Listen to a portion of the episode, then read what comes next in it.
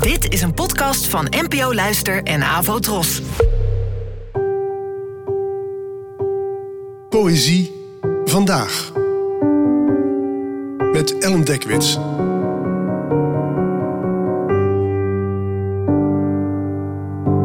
Hallo, fijn dat je luistert. Het gedicht van vandaag heet Apostelstad en werd geschreven door de Canadese dichteres Anne Carson, geboren in 1950. Het werd vertaald door mij. Apostelstad. Na je dood was het elke dag winderig. Elke dag werkte tegen ons als een muur. We gingen, riepen van opzij naar elkaar, langs de weg. Het had geen zin. De ruimtes tussen ons werden zwaar. Het zijn lege ruimtes. En toch zijn ze solide. En zwart en pijnlijk. Als spleten tussen de tanden van een oude vrouw die je jaren geleden kende toen ze bestond. Beeldschoon.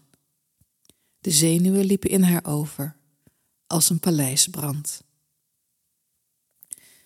In dit mysterieuze gedicht is er iemand die sterft, waar nog tegen geroepen wordt.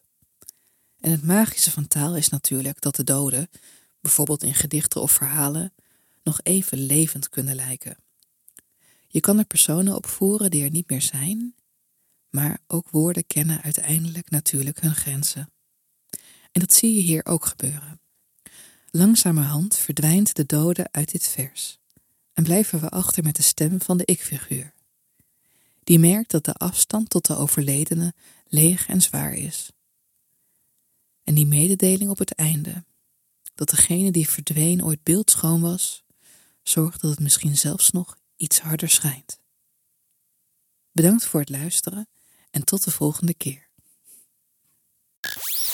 Abonneer je op deze podcast via de gratis app van NPO Luister. Daar vind je ook een handig overzicht van het complete podcastaanbod van de NPO. Afro Tros, de omroep voor ons.